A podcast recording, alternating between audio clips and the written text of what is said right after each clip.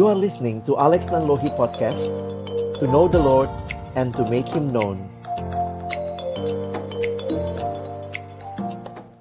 Jadi pengenalan akan Tuhan akan sebenarnya menolong kita makin mengenal diri kita dan makin uh, memahami seharusnya bagaimana kita hidup di hadapan Tuhan ya. Mari sebelum kita membaca merenungkan firman Tuhan, kita berdoa. Bapa kami kembali akan membuka firman-Mu, bukalah juga hati kami. Jadikanlah hati kami seperti tanah yang baik, supaya waktu benih firman Tuhan ditaburkan boleh sungguh-sungguh berakar, bertumbuh, dan juga berbuah nyata dalam hidup kami. Berkati rekan-rekan pengurus yang baru dalam semangat mereka untuk melayani Tuhan malam hari ini, kami rindu diperlengkapi bersama. Dalam nama Tuhan Yesus, kami menyerahkan pemberitaan firman-Mu. Amin. Iya, teman-teman, um, hal dasar bukanlah hal yang harus kita lewatkan begitu saja ya. Saya ingat beberapa kali ketika uh, naik pesawat begitu ya.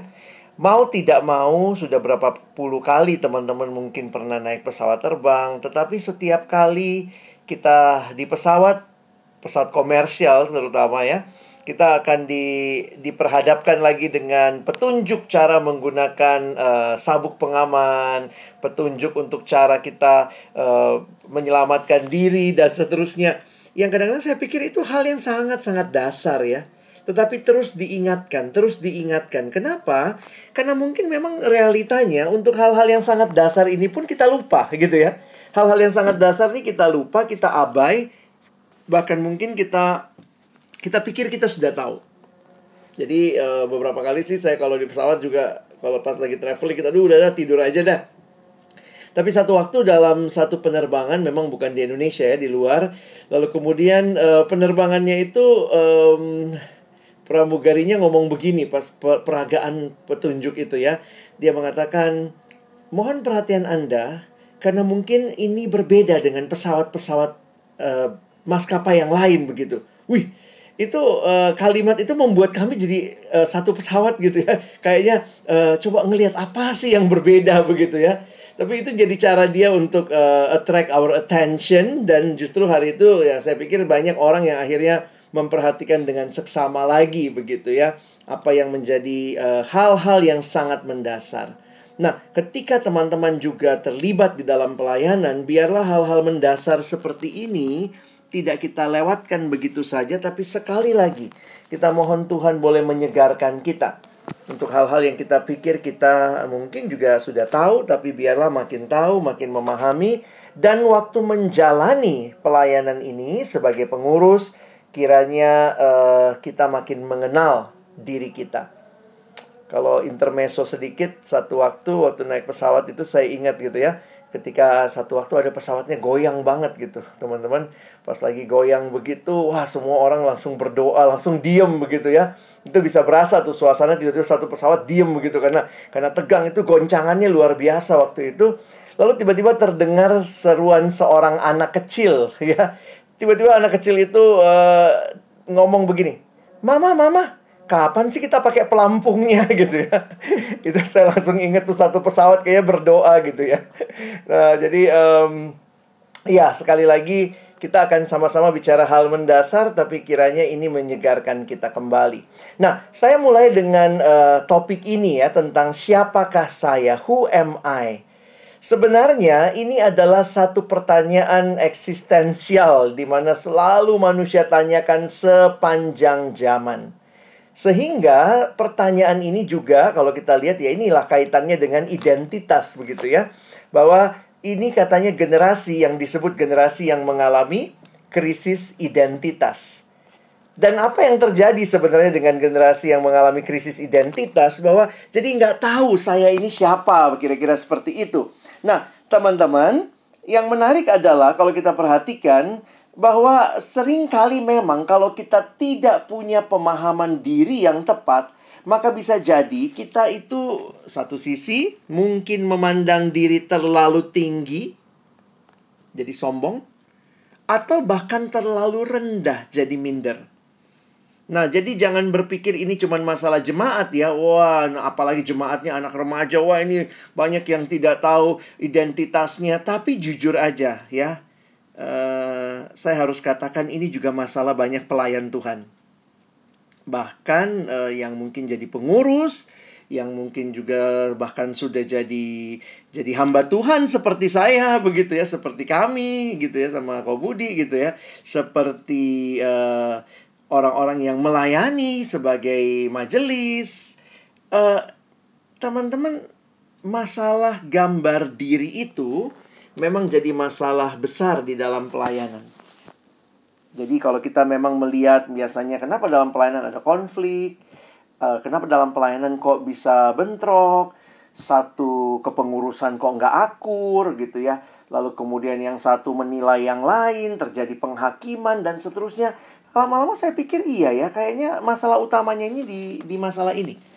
Jadi bersyukur ya hari ini kita men, uh, bicara juga masalah ini kita bukan mengasumsikan kita semua sudah tahu, kita tidak mengasumsikan kita semua sudah uh, beres dengan hal ini, tapi inilah pergumulan yang teman-teman dan saya harus jujur dan di hadapan Tuhan kita terbuka begitu ya. Kita ini seperti apa? Dan saya bersyukur untuk anugerah Tuhan yang terus menolong kita. Karena kita sedang terus berproses. Saya sadar itu dan saya harap kita juga boleh berserah kepada Tuhan. Nah, krisis itu kenapa? Kalau kita mengalami krisis terhadap gambar diri itu, terhadap uh, penghayatan tentang diri kita, krisis itu menimbulkan masalah.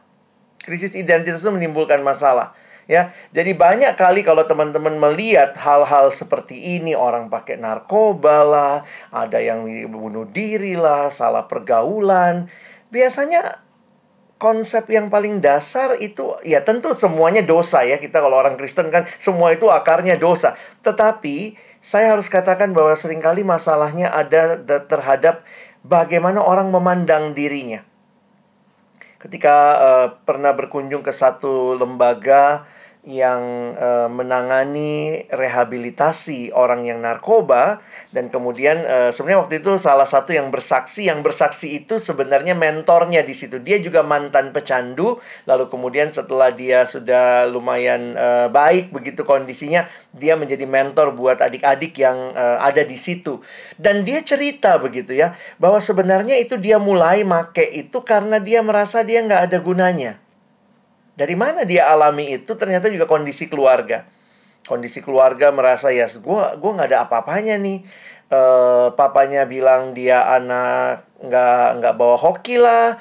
Uh, sejak lu lahir lihat bokap lu rugi lah gitu ya. Lalu kemudian jadi dia dapat banyak eh, hal-hal uh, seperti itu sehingga dia merasa perhatian yang bisa dia dapatkan adalah dari teman-teman yang solidernya luar biasa tinggi dan ternyata itu pemakai-pemakai. Lalu kemudian perasaan diterima, lalu kemudian mulai ikut-ikutan, mulai solider, mulai ikut make. Dan akhirnya saya pikir iya ya, betapa mengerikan krisis identitas ini menimbulkan banyak banyak hal, banyak masalah begitu ya.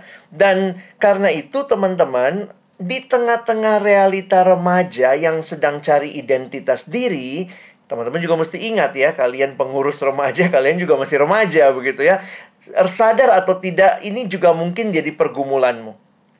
Sehingga mari sejak awal kita belajar juga terbuka ya. Ada orang yang di rumah diem banget tapi di luar cari perhatian banget. Di gereja lah, di sekolah dulu saya pernah lihat ya ada anak yang kayaknya ini anak ini banget gitu ya.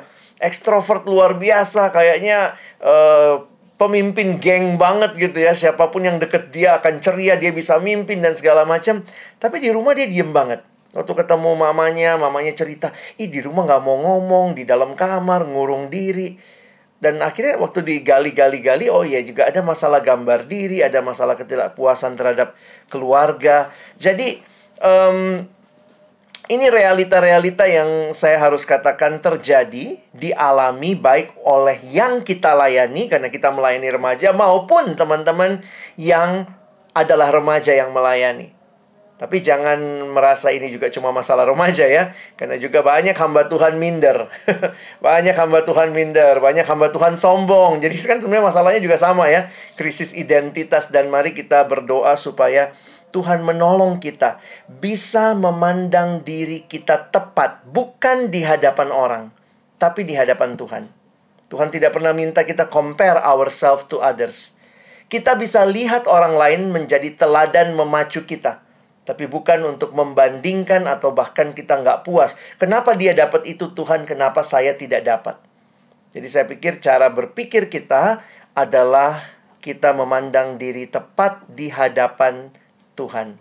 Nah, pertanyaan tentang siapakah saya ini, sebenarnya pertanyaan ini bersumber dari satu, uh, atau kalau mau kita elaborasi, kita turunkan lagi, pertanyaan ini bisa dikaitkan, kalau gampangnya pakai bahasa Inggris aja ya, berkaitan dengan tiga pertanyaan dasar, yaitu pertama, pertanyaan tentang the past, lalu the present, and the future. Nah, itu gampang diingat ya.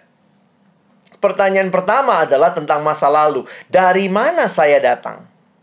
Lalu pertanyaan tentang masa kini, uh, untuk apa saya di sini sekarang? Dan pertanyaan tentang masa depan, mau ke manakah saya? Jadi kalau bicara siapakah saya, bukan cuma bicara mengerti diri saya. Oh, saya Alex, nama saya Alex. Tetapi Alex ini dari mana datangnya? Nah, banyak anak-anak mengalami masalah dengan gambar diri karena dia mengkaitkan. Misalnya saya ini dari keluarga broken home. Papa mama pisah saya sama nenek atau sama kakek atau mungkin. Tapi sebenarnya begini loh apakah itu jawaban terhadap dari mana saya datang? Jadi kalau kita hanya mengkaitkan ini semua dengan situasi kondisi kita maka ini sedih teman-teman ya karena kita bisa bilang ya saya ini dari keluarga yang broken home, uh, saya ini dari keluarga yang uh, ekonomi menengah ke bawah, saya ini dari ya saya saya tahun ini belum sempat kuliah gitu ya. Kalau kita melihat dari mana saya datang berkaitan hanya dengan hal-hal seperti itu, saya pikir kita jadi tidak menghayati tentang gambar diri kita. Belum lagi yang kedua, untuk apa saya di sini? Dan akhirnya pertanyaan lebih lanjut adalah mau ke manakah saya? Nah, teman-teman ada yang mengatakan kalau kamu bisa menjawab pertanyaan ini, kamu survive dalam hidup. Jadi, uh, pertanyaan ini yang selalu jadi pergumulan. Sehingga kalau teman-teman meng menghadapi ya, uh, sebenarnya semua ilmu pengetahuan berusaha menjawab pertanyaan ini. Percaya apa enggak? Misalnya, uh, Ciniken nih belajar ekonomi. Lalu waktu dipelajari di teori bilangnya manusia adalah makhluk ekonomi. Wah, saya adalah makhluk ekonomi yang di mana seluruh kegiatan saya motif-motifnya ekonomi. Mengapa saya kuliah? Supaya saya nanti bisa kerja, supaya dapat uang. Berarti kan motifnya ekonomi. Mengapa saya akhirnya berkeluarga? Supaya kemudian saya bisa mempunyai anak, mempunyai keluarga, yang kemudian saya membangun sistem ekonomi yang baik ilmu ekonomi berusaha menjawab who am I secara ekonomi.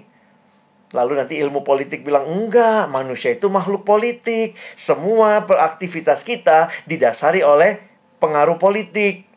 Yang satu lagi bilang, oh enggak gitu dong. Manusia adalah makhluk budaya. Wah, manusia adalah makhluk seni. Manusia adalah makhluk ini. Semua berusaha memberikan jawaban sepanjang masa terhadap pertanyaan ini. Nah, bagaimana kita menghal, meng, melihatnya begitu ya? Sehingga pertanyaan paling sederhana adalah begini. Kalau kita bicara identitas, itu identitas kita temukan bagaimana? Kita look inside ourselves atau find from outside ourselves. Nah, ini bisa jadi diskusi ya kalau kita mungkin tatap muka lebih enak diskusinya. Tapi saya cuman uh, Koko ingin belajar untuk uh, mengajak teman-teman berpikir. Kalau demikian, sebenarnya yang namanya identitas itu dari dalam atau dari luar diri. Nah, nanti kita coba lihat jawabannya Sebenarnya kalau kita perhatikan dengan sederhana, semangat zaman sekarang, anak-anak zaman sekarang khususnya yang ditawarkan di media sosial dengan orang-orang yang begitu begitu rupa mengikuti apa sekarang istilahnya uh, ya just follow your heart.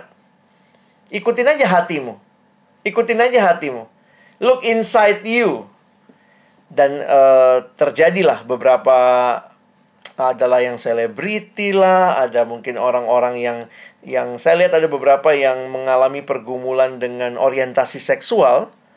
Itu biasanya kemudian melihat ke dalam dirinya, lalu kemudian dia bilang, "Saya cuman ikut apa kata hati saya aja." Nah, itu semangat zaman sekarang tuh.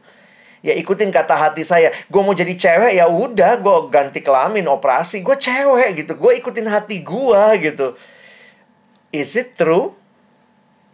Uh, kalau kita nggak jelas tentang hal ini, jadi kita juga jadi bingung begitu. Mana yang harus kita ikuti? Hati kita yang sudah jatuh dalam dosa, jangan lupa loh hati juga jatuh dalam dosa, atau kita harusnya mengikuti apa yang kata Tuhan. Jadi di sini bagi saya menarik untuk kita melihat when you when we talk about identity, where should we find identity? From inside atau from outside, ya? Nah, di dalam Alkitab, nah, apa kok masuk lebih ke Alkitab ya. Alkitab mengatakan di dalam pengkhotbah 12 ayat 1a, ingatlah penciptamu pada masa mudamu.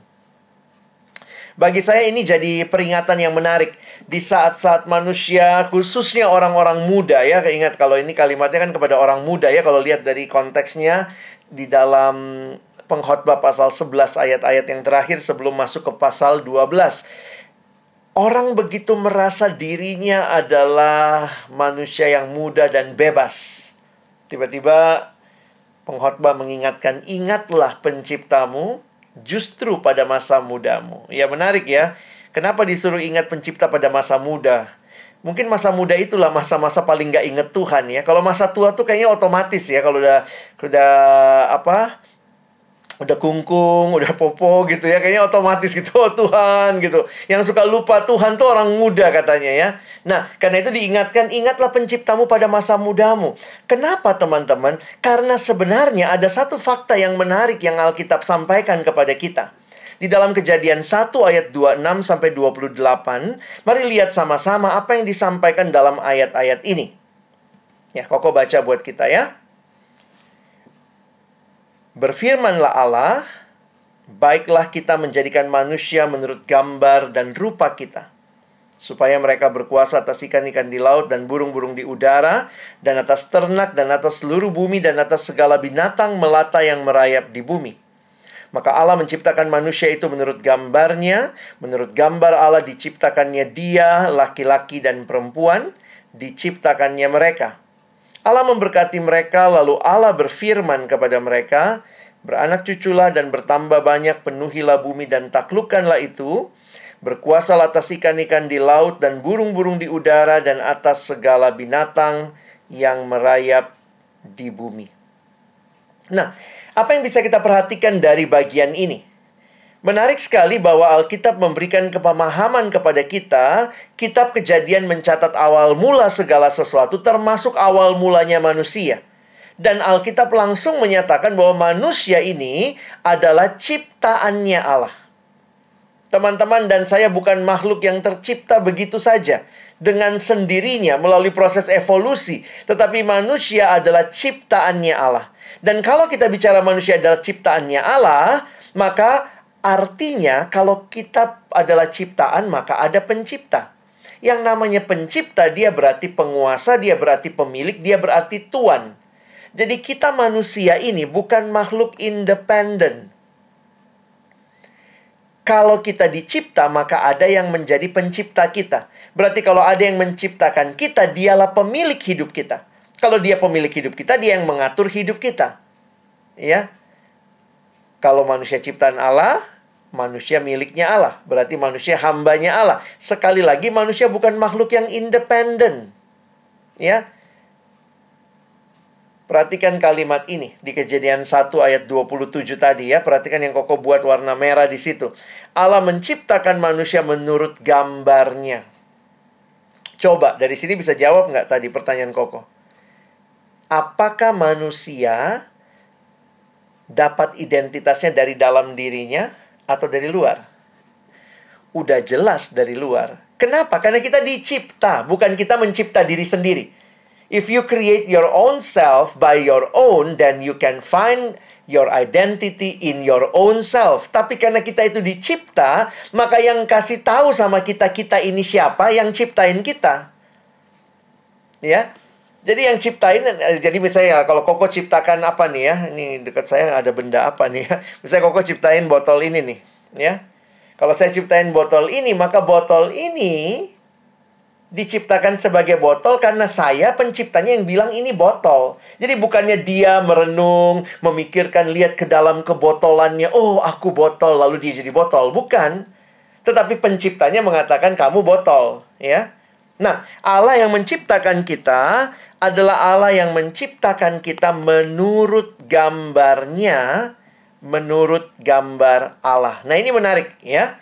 Nah, saya coba jelaskan sebentar. Di dalam bahasa Inggris dipakai istilah in the image of God, di dalam gambarnya Allah. Nah, kenapa konsep ini penting manusia sebagai gambar Allah? Karena bagi saya ini adalah yang menjadi dasar kemanusiaan kita. Dasar kamu mengerti dirimu, dasar kamu mengerti orang yang kamu layani. Karena pengurus dipanggil untuk melayani jemaat ya. Nah, makanya coba kita lihat sama-sama. Apa sih yang membuat kita itu karena sebagai gambar Allah, kenapa kita disebut gambar Allah dan kenapa kita jadi spesial dibanding ciptaan yang lain? Nah, ayo sekarang ikut sama Koko, kita akan coba sama-sama melihat kembali kitab Kejadian pasal 1. Kita sedikit uh, trace back, lihat bagaimana penciptaan yang lain-lain.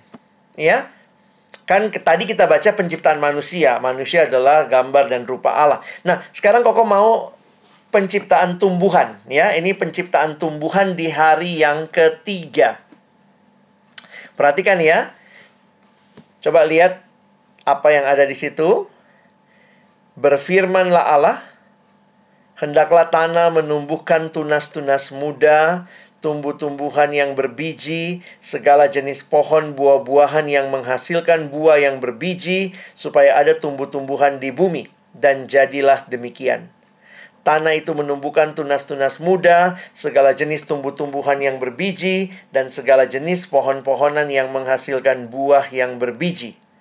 Allah melihat bahwa semuanya itu baik, jadilah petang dan jadilah pagi, itulah hari ketiga. Nah, teman-teman perhatikan sebentar ya. Ini penciptaan tumbuh-tumbuhan, ya. Nah, kata apa yang sering kali muncul dan diulang-ulang kalau kalian baca sekilas? Ayat 11 sampai ayat 13 ini kejadian pasal pertama. Agak susah memang kalau lihat bahasa Indonesianya ya, karena kayaknya yang mana yang diulang ya, yang mana yang diulang ya. Tapi coba perhatikan bahasa Inggrisnya sebentar ya. Koko kasih bahasa Inggrisnya, pasti kalian udah tahu bahasa Inggris semua kan? Udah jago ya. Nah, perhatikan sebentar, lihat yang saya baca ya, perhatikan. Then God said, let the land produce vegetation, seed-bearing plants and trees on the land that bear fruit with seed in it, according to their various kinds. And it was so. And the land produced vegetation, plants bearing seed according to their kinds, and trees bearing fruit with seed in it according to their kinds. And God saw that it was good. And there was evening and there was morning the third day. Teman-teman perhatikan nggak yang saya garis bawahi itu? memang kalau bahasa Indonesia tadi emang apa ya terjemahannya ya? Bahasa Indonesia ini terjemahannya cuma begini. Maaf, saya balik sebentar ya. Segala jenis, ya. Lalu nanti muncul lagi di bawah tuh. Tanah itu menumbuhkan tunus muda segala jenis.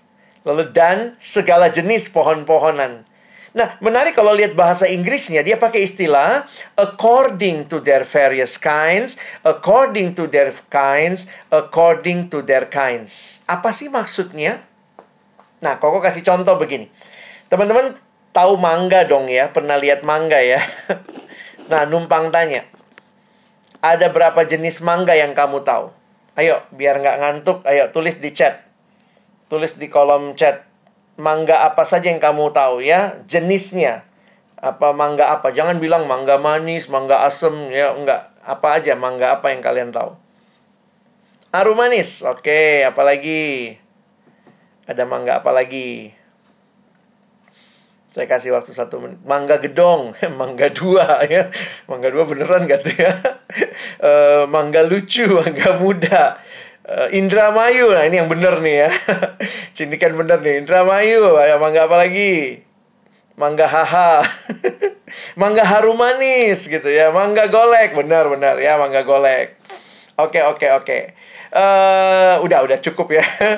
um, sekarang kok tanya, kalau mangga-mangga itu, kenapa waktu kamu lihat buah model begitu, kamu bilang itu mangga?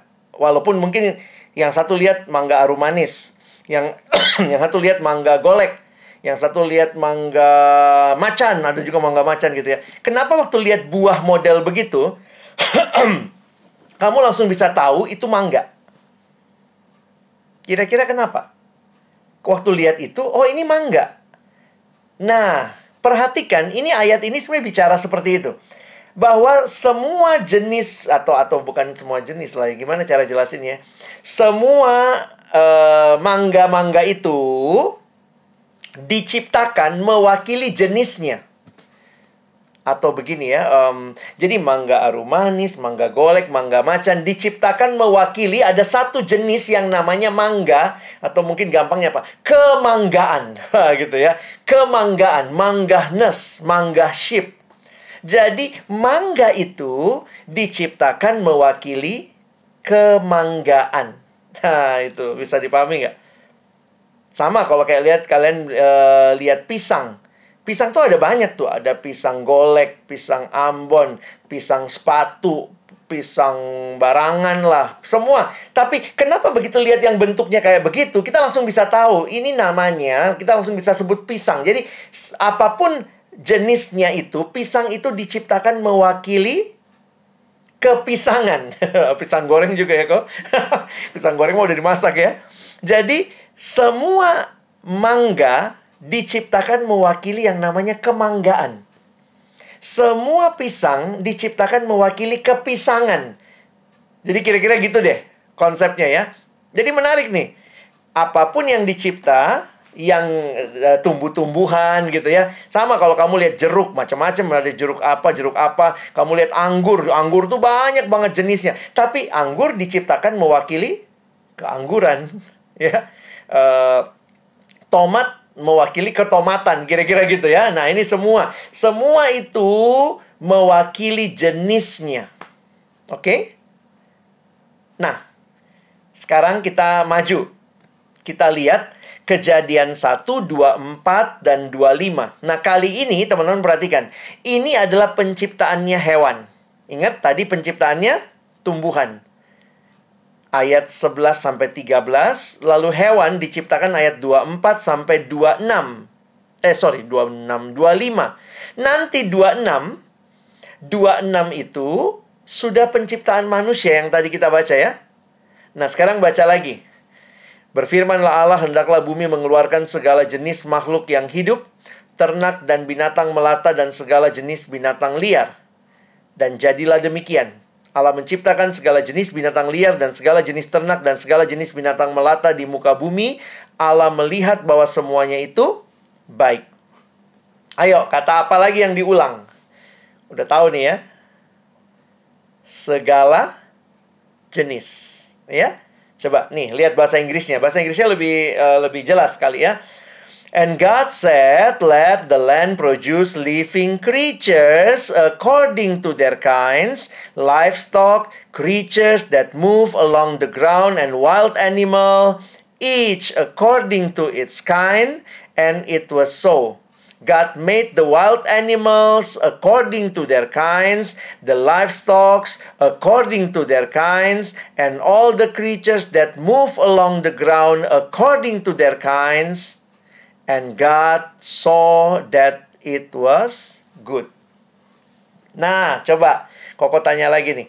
Teman-teman tahu ada gajah di dunia di mana aja? Pernah tahu di dunia ada gajah di daerah mana aja? Ayo, silakan chat lagi biar nggak ngantuk. Di mana aja ada gajah? Sumatera, betul. Di Lampung ada. Afrika, Thailand. Uh, Afrika, Lampung. Oke, okay, good. Ada lagi di mana? Taman Safari. Bener juga sih. Di Taman Safari ada banyak jenisnya ya. Nah, kenapa kalau kamu lihat di Ragunan ya? Kenapa kalau kamu lihat yang model begitu, langsung kamu bilang itu gajah? Mau kamu lihat di mana pun, begitu lihat itu, oh yang begituan namanya gajah. Jadi mau gajahnya di ada jenisnya bermacam-macam, tapi karena kalau kalian perhatikan sebenarnya secara postur tubuh gajah Afrika sama gajah Sumatera pasti beda posturnya. Di India juga ada gajah, jangan lupa ya. Jadi, tapi begitu lihat yang kayak begitu, langsung kita bilang, ini di Google ya. Oke, betul juga kamu di Google ya. Di Google bisa lihat semua ya. Nah, jadi Koko tanya nih, gajah itu diciptakan mewakili kegajahan ya gitu kira-kira ya. Jadi ada yang namanya kegajahan. Waktu kamu lihat apa pun bentuknya yang mewakili ini, kamu langsung bisa bilang itu gajah, itu gajah gitu ya. Gajah diciptakan mewakili kegajahan. Anjing mewakili keanjingan ya.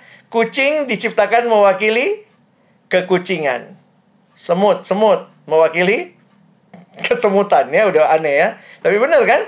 Semut diciptakan mewakili kesemutan. Jadi perhatikan bahwa inilah kesimpulan yang bisa kita ambil waktu kita lihat semua hewan, semua tumbuhan, ini kesimpulan kita tumbuhan dan hewan diciptakan Allah menurut jenisnya atau mewakili jenisnya according to its kind.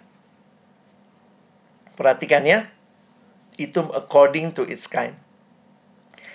Waktu Allah menciptakan manusia, teman-teman perhatikan tadi. God created man in his own image atau kalau kita pakai bahasa kayak tadi ya, agak susah pakai according to the its kind. No. According to God's image.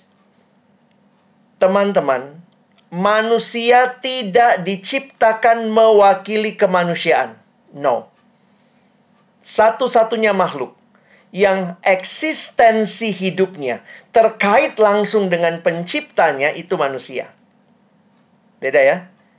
Manusia, ini koko simpul ini adalah satu-satunya makhluk yang diciptakan menurut gambar Allah atau mewakili Allah. Ingat, hewan mewakili jenisnya, hewan-hewanan. Tumbuhan diciptakan mewakili jenisnya, tumbuh-tumbuhan. Tapi manusia tidak diciptakan mewakili kemanusiaan. Kita diciptakan mewakili Allah. Wow. Kita kalau ngerti kayak gini, kalau kita adalah manusia ciptaan Allah, maka kita akan tahu ya, identitas kita itu bukan dari dalam diri kita. Kalau dari dalam diri kita, paling kita mentok aku mewakili kemanusiaan. Kayak hewan, kayak tumbuhan ya.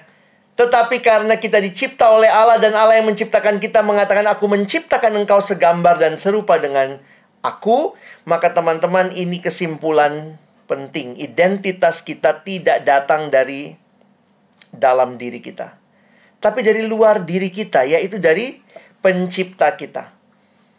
Karena itu kalau kita mau kenal diri, nah ini penghayatannya Martin Luther maupun eh, Calvin ya lebih khusus dia mengatakan makin kenal Tuhan sebenarnya saya makin kenal diri saya.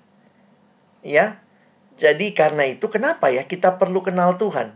Kenapa remaja perlu kenal Tuhan? Kenapa gereja harus ada yang mengurusi? Supaya remaja kenal Tuhan, ada orang yang diminta jadi pengurus. Supaya ayo bawa teman-temanmu kenal Tuhan. Dan terlebih dahulu bawa dirimu kenal Tuhan ya. Karena dengan kamu kenal Tuhan, kamu akan mengerti identitasmu. Dan itu bukan dari dalam dirimu. Bukan just follow your heart. Makin saya menghayati ini, kita bukan follow our hearts, follow God's word. Ikuti apa yang Tuhan mau. Ya. Jadi look inside? No. Find from outside yourself which is from your creator. Jangan juga cari dari luar diri lalu carinya dari uang, dari harta, tahta. Oh, itu juga orang bisa begitu ya. No, you need to find from your creator. Teman-teman kita coba lihat aplikasi implikasinya sedikit ya. Bagaimana respon kita kalau kita mengerti hal ini? Koko mau kasih dua hal saja. Berarti kalau kita adalah ciptaan Allah yang diciptakan segambar dan serupa dengan Allah, maka identitas kita dan tujuan hidup kita itu datangnya dari Tuhan. Kamu mau tahu apa tujuan hidupmu? Kenali Tuhan karena Dia yang ciptakan kamu. Teman-teman, memang dosa sudah merusak semua ini ya. Ketika manusia jatuh dalam dosa, maka identitasnya rusak, tujuannya rusak. Tapi akhirnya saya jadi menyadari ya, Kristus datang ke dalam dunia untuk memulihkan identitas kita, memulihkan tujuan hidup kita. Nah, kalau Kristus sudah datang ke dalam dunia, mari kita datang kepadanya, kita bawa hidup kita kepadanya. Kalau iPadmu rusak, mesti datang ke mana? Toko Android. Jangan, emangnya mau tukar tambah. Kalau yang rusak iPad, datanglah ke iStore. Kalau yang rusak Android eh, atau Samsung yang rusak, datang ke Samsung Store. Kalau hati yang rusak, karena udah tidak tahu tujuannya, udah nggak jelas menghayati identitasnya, hati itu hanya bisa diperbaiki oleh Allah yang menciptakan kita. Karena itu remaja butuh Kristus. Dan teman-teman, itulah yang kalian jawab di hadapan Tuhan. Jadi pengurus remaja, kamu rindu teman-temanmu kenal Tuhan, dan tentunya kamu juga harus kenal Tuhan. Kamu harus kenal Tuhan dan kamu kenal dirimu dan akhirnya kamu tahu apa yang menjadi tujuan hidupmu dan identitasmu. Gimana kita menghayati ini? Nah, Koko kasih uh, aplikasinya ya. Berkaitan dengan identitas, pertama ya sadari, bersyukur untuk identitasmu. Kamu bukan hewan, bukan tumbuhan ya.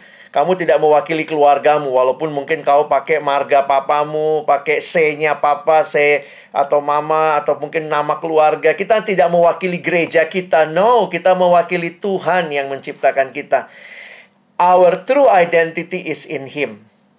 Nah, menarik sekali dalam satu buku yang ditulis oleh seorang bernama Richard Pratt, dia menggambarkan dalam bukunya Design for Dignity, dia bilang our true identity itu at the same time membuat kita satu sisi jadi humble, tapi satu sisi punya kemuliaan. Nah, lihat gambarnya dia ya. Dia bilang kalau manusia itu image of God, maka di satu sisi, lihat sebelah kiri dulu. Kalau kita image of God, kita mesti humble. Kita mesti rendah hati. Kenapa? Kamu cuma image. Makanya image-nya besar. Lu tuh cuma gambar. Gambar ya jangan sombong, kira-kira begitu ya. Kamu cuma gambar. Tetapi di sebelah kanan, lihat. Kamu bukan gambar biasa, kamu gambarnya Allah. Karena itu God-nya yang besar. You are not only image, but you are the image of God. At the same time, you have dignity. Kamu punya kemuliaan. Jadi sebenarnya kita tidak memandang diri terlalu rendah, tidak memandang diri terlalu tinggi, tetapi kita membangun hidup yang rendah hati dan juga punya kemuliaan. Jangan sepelekan dirimu.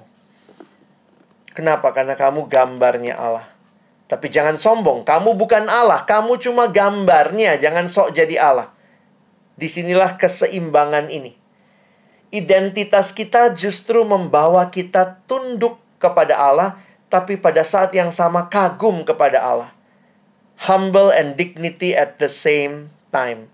Kalau orang sungguh-sungguh kenal identitasnya, jadi pengurus tuh nggak jadi sombong. Ya.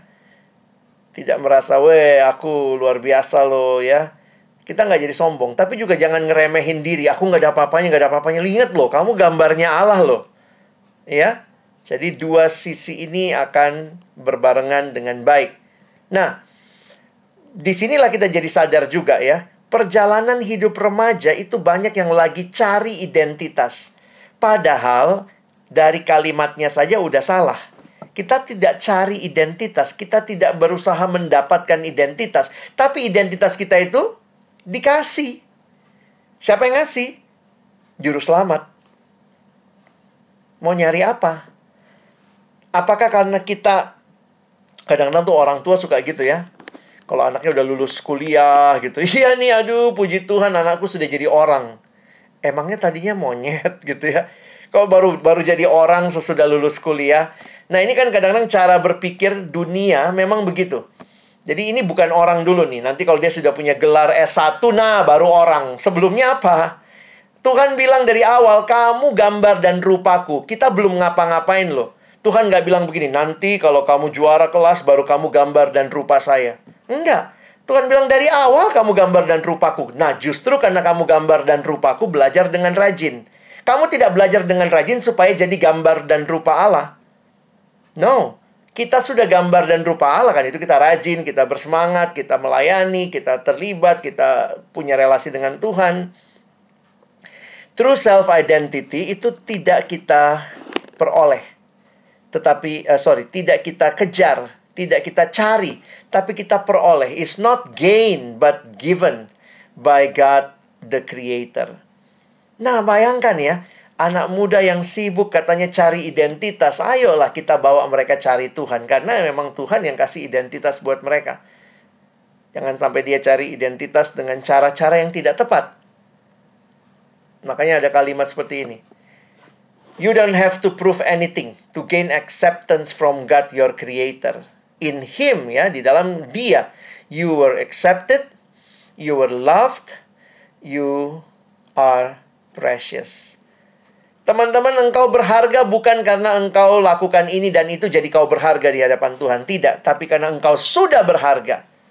Sejak awal kan Tuhan bilang, kamu gambar Allah menciptakan manusia menurut gambar dan rupanya. Bukannya Tuhan Allah menciptakan manusia mewakili dirinya lalu nanti lama-lama dia naik kelas, naik kelas dari kemanusiaan, naik sedikit ke malaikatan, nanti jadi ketuhanan. Enggak ya.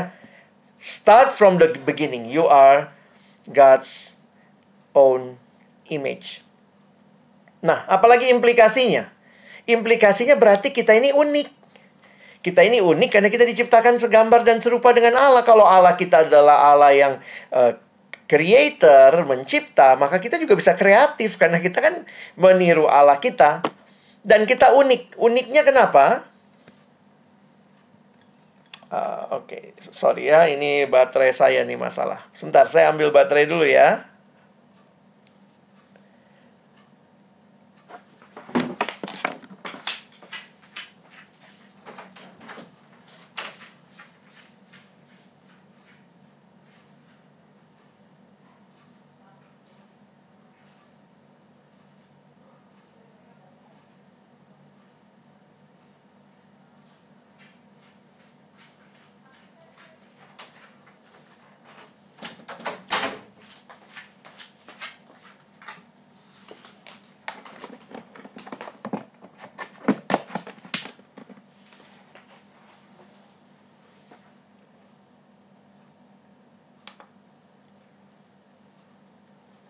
Oke. Okay.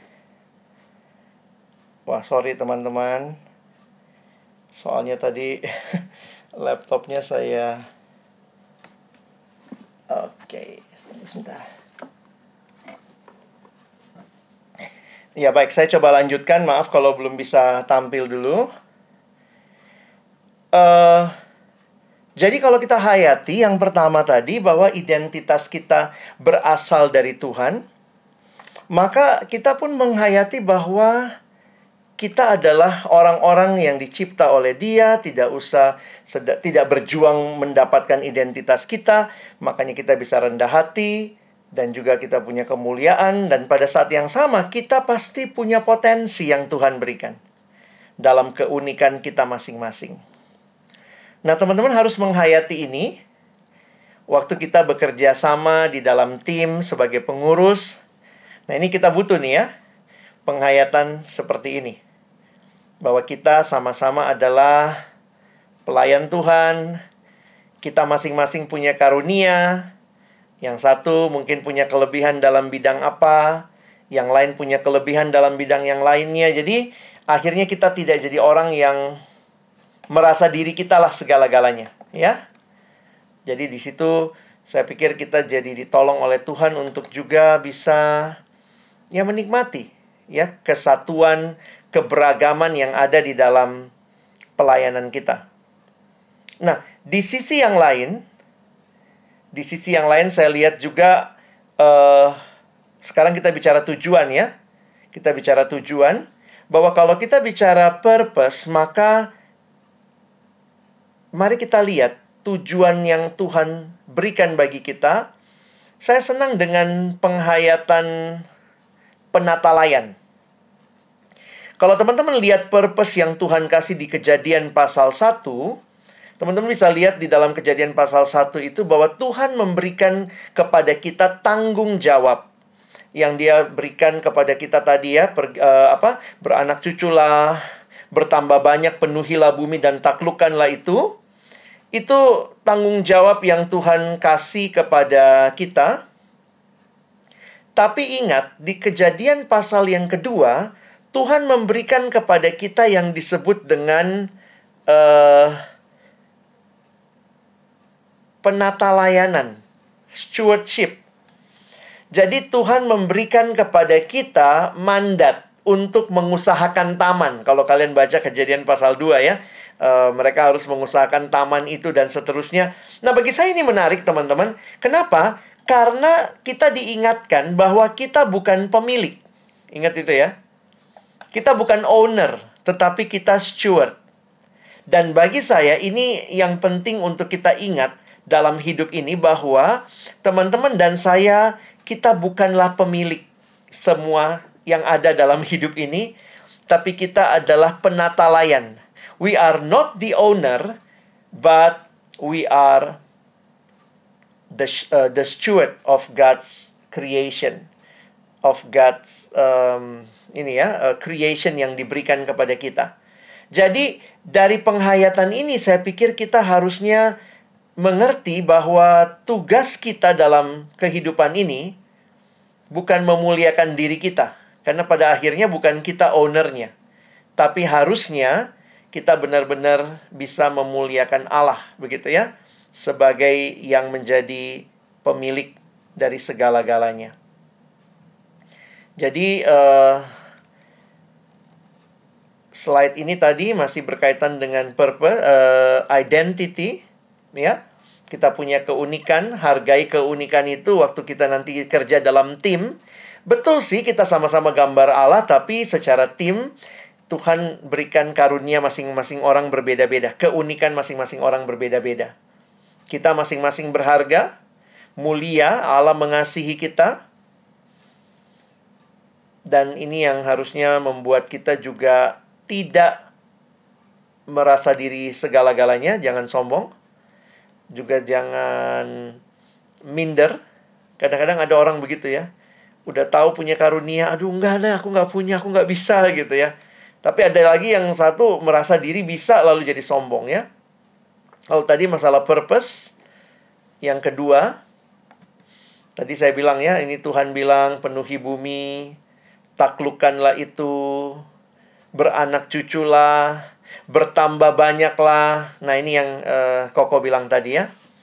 Kita perlu mengembangkan penghayatan God's ownership and our stewardship. Kita bukan pemilik. Karena itu tujuan hidup kita semata-mata untuk memuliakan Tuhan for his glory. Ya, jadi saya berharap apa yang kita terima malam ini secara khusus akan menolong kita juga waktu menjalani pelayanan ke depan. Teman-teman akan atau sedang melayani remaja. Teman-teman juga masih remaja. Perjalananmu juga untuk makin menghayati apa yang jadi talentamu, karuniamu. Menerima dirimu. Bukan melihat masa lalumu, tapi melihat siapa kamu sekarang di dalam Tuhan dan pada saat yang sama kamu dipanggil untuk berjalan bersama para remaja yang lain yang juga mungkin sedang bergumul dengan identitasnya. Nah, kiranya kita membawa mereka kepada Tuhan, pencipta mereka yang akan menolong mereka juga makin menghayati hidupnya di dalam Tuhan. Hanya di dalam Tuhan mereka punya identity yang benar, mereka punya purpose yang benar. Karena itu, mari jadi pengurus yang mengenal diri dan membawa orang lain juga mengenal Tuhan. Amin. uh, silakan mungkin kalau ada kesempatankah kita tanya jawab atau bagaimana? Silakan. Oke, uh, terima kasih untuk uh, Kak Alex yang sudah membawakan bahan pada malam hari ini sangat uh, luar biasa ya. Berkat-berkat yang boleh didapat. Nah, teman-teman pengurus, uh, mungkin saat ini ada kesempatan ya kita bisa berdiskusi atau bertanya kepada Kak Alex, kira-kira dari teman-teman setelah mendengar bahan pada malam hari ini, apakah ada yang ingin ditanyakan gitu? Misalnya hal-hal eh, hal-hal teknis langsungnya di lapangan biasanya yang akan terjadi, mungkin teman-teman bisa bertanya gitu. Kira-kira di dalam pelayanan kalau ada masalah seperti ini itu bagaimana gitu silakan teman-teman dari teman-teman pengurus boleh memberikan tanggapan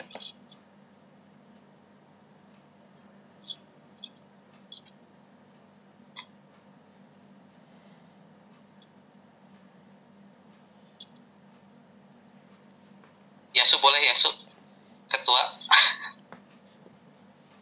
silakan nggak ada kok Kak Alex nanya dong Iya, Kak Niken. Cik Niken. eh, kan kalau saat-saatnya remaja nih SMP SMA terus kan sebenarnya saat-saat menggali potensi diri ya Kak Alex ya. Iya. Um, gimana sih caranya Alex punya tips and trick mungkin how we can know ourselves better, hmm. how we can find out more about ourselves gitu. Oke. Okay.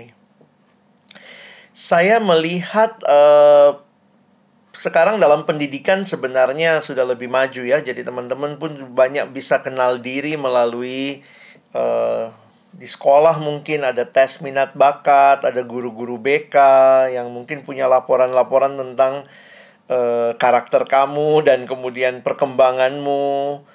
Dan mungkin juga dari orang tua sekarang yang dari kecil anaknya udah les ini, les itu. Saya pikir sih uh, sebenarnya jauh lebih gampang mengetahui dibanding zaman kami yang dulu sebenarnya miskin dan terbatas begitu ya.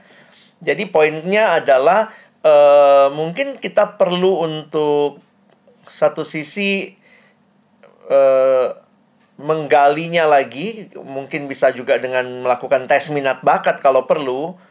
Tapi di sisi lain yang saya lihat, mungkin pelayanan remaja ada baiknya memberikan ruang-ruang untuk kontribusi bagi remaja. Jadi uh, memang sih ya situasi nggak mudah sekarang ya. Tetapi kalaupun tidak tidak ya sekarang kan semua online ya. Tapi mungkin jadi pertanyaan dan refleksi kita sebelum online juga begitu ya. Uh, apakah memang ada ruang-ruang kontribusi yang diberikan supaya memang uh, ada kesempatan buat remaja menggali, mengetahui bahwa dia bisa ternyata melakukan ini, ada proyek-proyek yang dilakukan bersama memang ini nggak mudah. Saya harus bilang nggak mudah di tengah-tengah uh, remaja masa kini itu cuma datang ke gereja hari Minggu doang gitu. Beda sama remaja zaman jebot yang bisa tiap hampir tiap hari, tiap malam di gereja gitu kali ya. Nah, itu yang makanya ruang-ruang kontribusinya apa? Tapi mungkin ya kalau ruang kontribusinya sekarang ya ruang kontribusi digital kali ya, bikin poster, bikin bikin video, ngedit apa dan uh, bikin code. Jadi uh, mungkin itu cara-cara yang kita bisa lakukan untuk melibatkan mereka dan itu juga dari situ kita jadi tahu oh si ini bisa ini toh, oh si ini bisa ini toh gitu. Jadi mungkin tips and triknya kalau untuk gereja ya uh, melibatkan. Tapi kalau untuk yang lain mah di, di sekolah mereka udah tahu sebenarnya uh, bakat mereka. Makanya lihat juga ekskul apa yang mereka ambil di gereja. Mungkin kalau kita mau bikin uh, formulir anak remaja gitu ya, form pendataan, tanya juga tuh ekskul apa yang kamu ambil di sekolah. Jadi itu menolong juga untuk kita tahu, oh dia seneng dengan ekskul ini berarti uh, ada bagian yang gereja mesti pikirin gimana mengkontribusikan anak yang seneng fotografi ini misalnya dia ambil itu di sekolah di gereja karena uh, kalau tidak nanti gereja hanya menjadi tempat anak-anak datang duduk nonton pulang kira-kira begitu.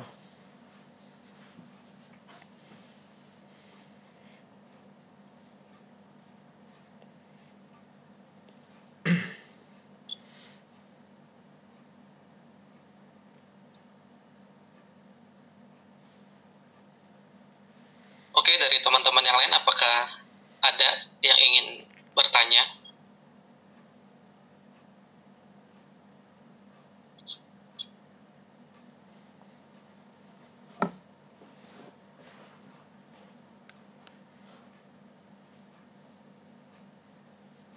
satu lagi Kak Alex mungkin karena. Kak Alex kan sering berkecimpung juga nih di dunia eh, remaja nih SMP SMA.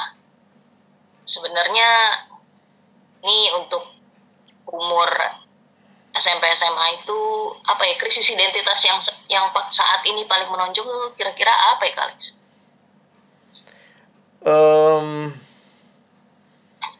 nilai kali ya. Saya lihatnya nilai karena anak sekarang kalau zaman zaman saya mungkin atau zaman kita lah dulu ya kalau mungkin saya sejaman sama Kak Ciniken. dulu itu Beda-beda, beda. Di masa yang lalu orang tua itu kalau kalian lihat ya, itu dulu selalu bilang anak saya nakal. Jadi dulu tuh yang paling sering kalau ketemu nih anak gue nih nakal banget gitu, anak gue nakal gitu. Sekarang itu agak jarang saya dengar. Karena hampir semua anak manis gitu ya. Manis tapi mungkin bejat gitu kali ya. Sama juga dulu dulu nakal dan bejat, sekarang tuh tampilan luarnya manis. Anak sekarang kan manis-manis ya. Karena mainnya sama gadget, nggak keluar rumah, beda sama kayak kita dulu kali ya yang keluar rumah gitu. Jadi saya lagi mikir gitu, apa sih sebenarnya yang jadi krisis mereka ya dalam identitas? Mungkin masalah nilai nilai-nilai yang misalnya eh, tadi ya, sorry ya, kayak kalau waktu saya gali misalnya kayak tadi follow your heart gitu.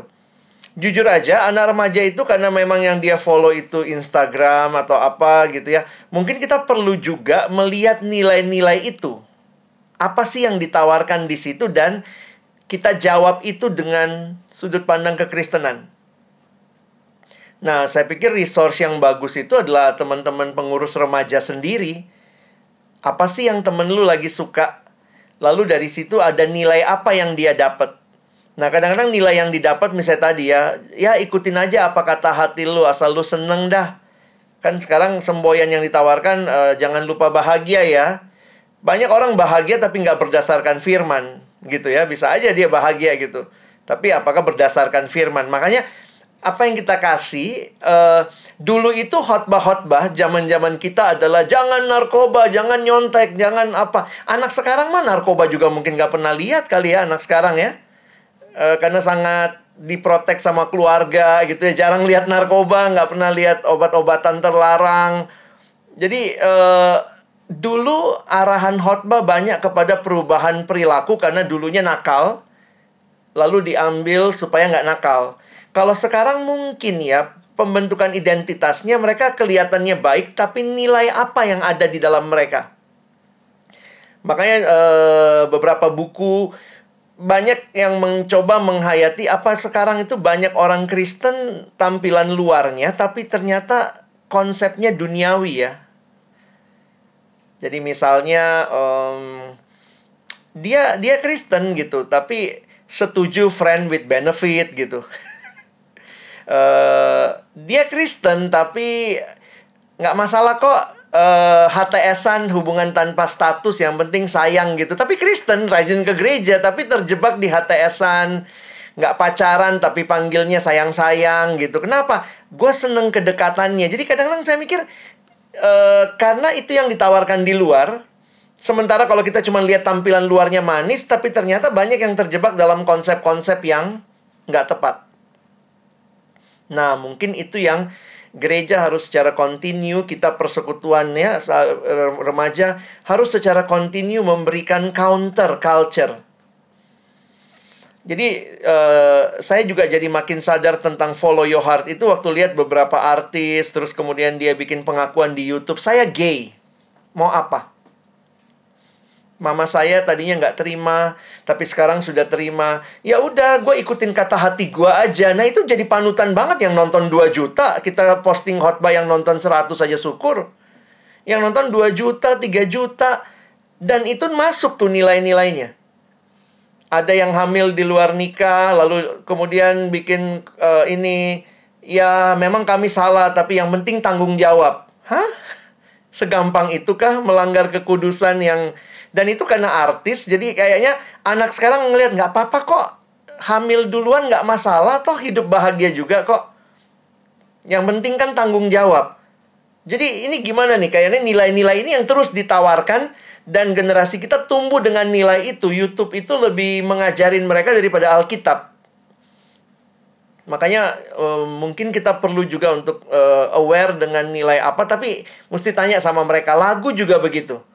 Lagu-lagu yang mengajarkan nilai-nilai yang tanpa sadar masuk tuh di bawah sadar uh, remaja. Kira-kira gitu kali kah? Sini kan?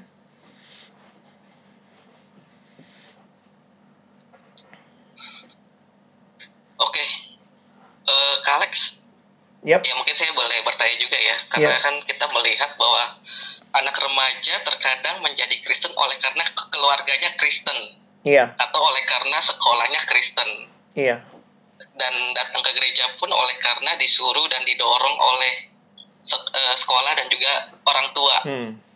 Nah mungkin in- nilai ini yang akhirnya menjadi nilai yang rapuh ya, rapuh di dalam anak remaja, tetapi luarnya ya Kristen gitu. Hmm. Nah, untuk untuk menyikapi ini bagaimana sih eh, supaya anak remaja ini bisa mengalami Tuhan gitu ya, benar-benar Iya. mengalami relasi dengan Tuhan dan mengalami apa itu yang namanya eh, kasih Tuhan gitu, sehingga mereka akhirnya mengenal dan mereka punya identitas diri bahwa dia itu anak Tuhan gitu. Iya, saya menyadari mungkin begini kali ya, saya mesti garis bawahi bagi saya kerohanian itu sebuah perjalanan ketimbang sebuah tujuan. Jadi spirituality itu ya dalam dalam pergumulan setelah lewati sekian lama, iya ya saya makin sadari itu sebuah perjalanan. Sehingga juga jangan mimpi lah ya hanya dengan satu acara. Kadang-kadang kita masih begitu tuh polanya. Bikin sekali KKR maka dia akan berubah begitu ya. Betul, banyak juga yang alami itu model Paulus, tapi juga ada yang modelnya bukan kayak Paulus, mungkin seperti Timotius dari kecil sudah kenal kitab suci, pernah rajin sekolah minggu, tapi ternyata sampai tua pun Paulus masih tulis surat sama Timotius mengingatkan dia. Jadi tidak ada magic magic uh, journey di mana if you already pass this journey then you will survive until the end. Poinnya adalah kamu harus ditemani berjalan bersama. Jadi spirituality is a journey. Nah, jadi saya justru bertanya sebenarnya dalam pergumulan pribadi begitu ya. Gereja persekutuan siap nggak mendampingi remaja berjalan dalam spiritual journey mereka? Tentu keluarga Kristen, mereka dari latar belakang keluarga Kristen itu baik lah ya. Tapi juga seperti yang uh, Kau Budi bilang ya, banyak yang terjebak dalam ritualistik. Ya, saya Kristen karena berbudaya Kristen, papa Kristen, mama Kristen, masa gue Islam gitu ya. Jadi kayaknya akhirnya menjadi sesuatu yang tidak dihayati. Nah, menghayatinya ini yang saya pikir um, bisa jadi ya.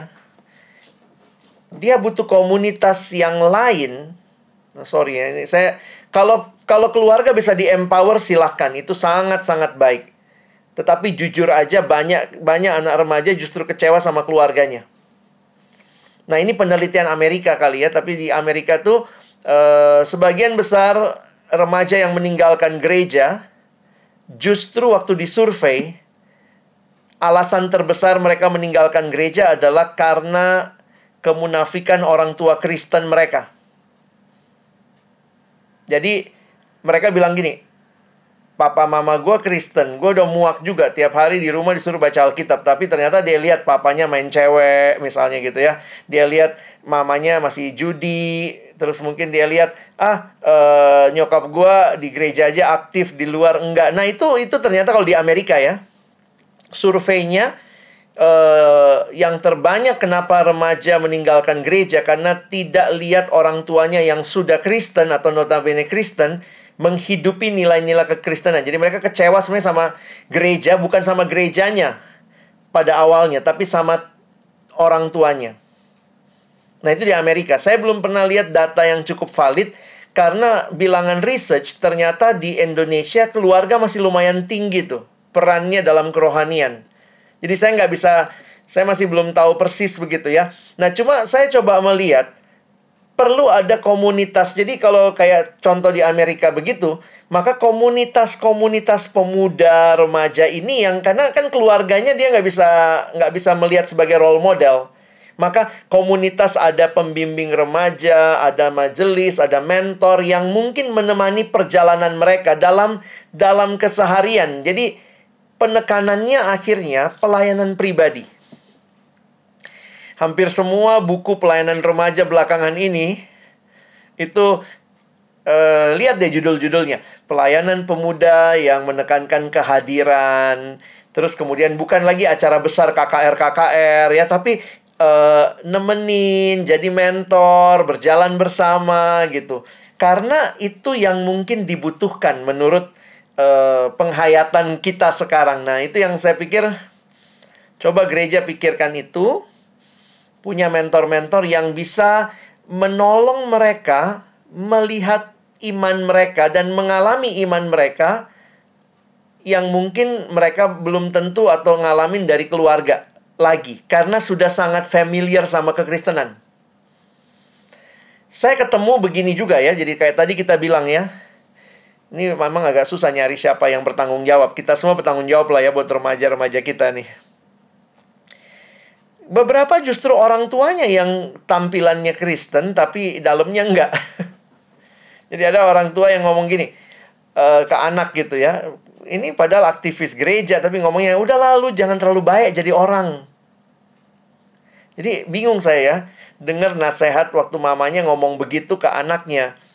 Saya bilang ini bukan nasihat Kristen. Kalau di dalam kekristenan kita disuruh mesti baik. Yang nggak boleh itu jangan karena kebaikanmu kamu dimanfaatin orang. Mungkin mamanya itu harusnya ngomong begini, lu jangan terlalu bodoh gitu ya. Tulus seperti merpati, cerdik seperti ular begitu. Tapi banyak kali nasihat-nasihat orang tua yang sudah Kristen pun belum tentu nasihat Kristiani. Jadi akhirnya mungkin juga anaknya tidak tidak karena tempat pembentukan yang paling dasar kan keluarga ya.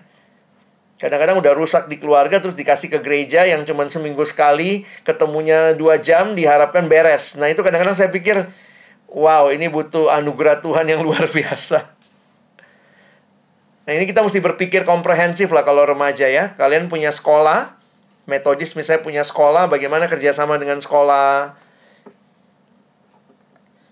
Tapi kira-kira begitu beberapa pemikiran saya tentang uh, kebutuhannya sekarang.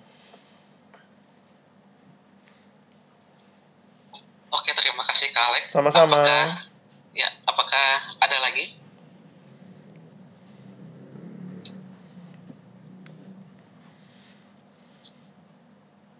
Dari teman-teman pengurus.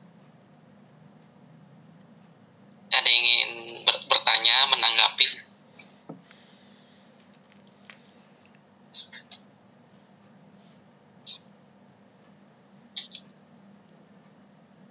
Wah kayaknya nggak ada ya. Masih terlalu ini excited baru dilantik nih jadi mungkin nanti ya. Ya Oke, kalau begitu kita sudah mau setengah sembilan. Kita akhiri saja ya pada malam hari ini pertemuan kita. Uh, terima kasih banyak untuk Kak Alex sekali lagi. Setiap bahan yang sudah didengar uh, banyak sekali berkat-berkat yang saya dapat gitu ya dan tentu juga memberkati buat teman-teman sekalian. Ya, saya berharap juga teman-teman pengurus juga bisa meresapi ya setiap bahan yang ada dan boleh bertumbuh bersama dan bos dan bisa melayani Tuhan dengan benar gitu karena kita melayani untuk uh, kemuliaan nama Tuhan ya yang sudah Tuhan percayakan untuk kita.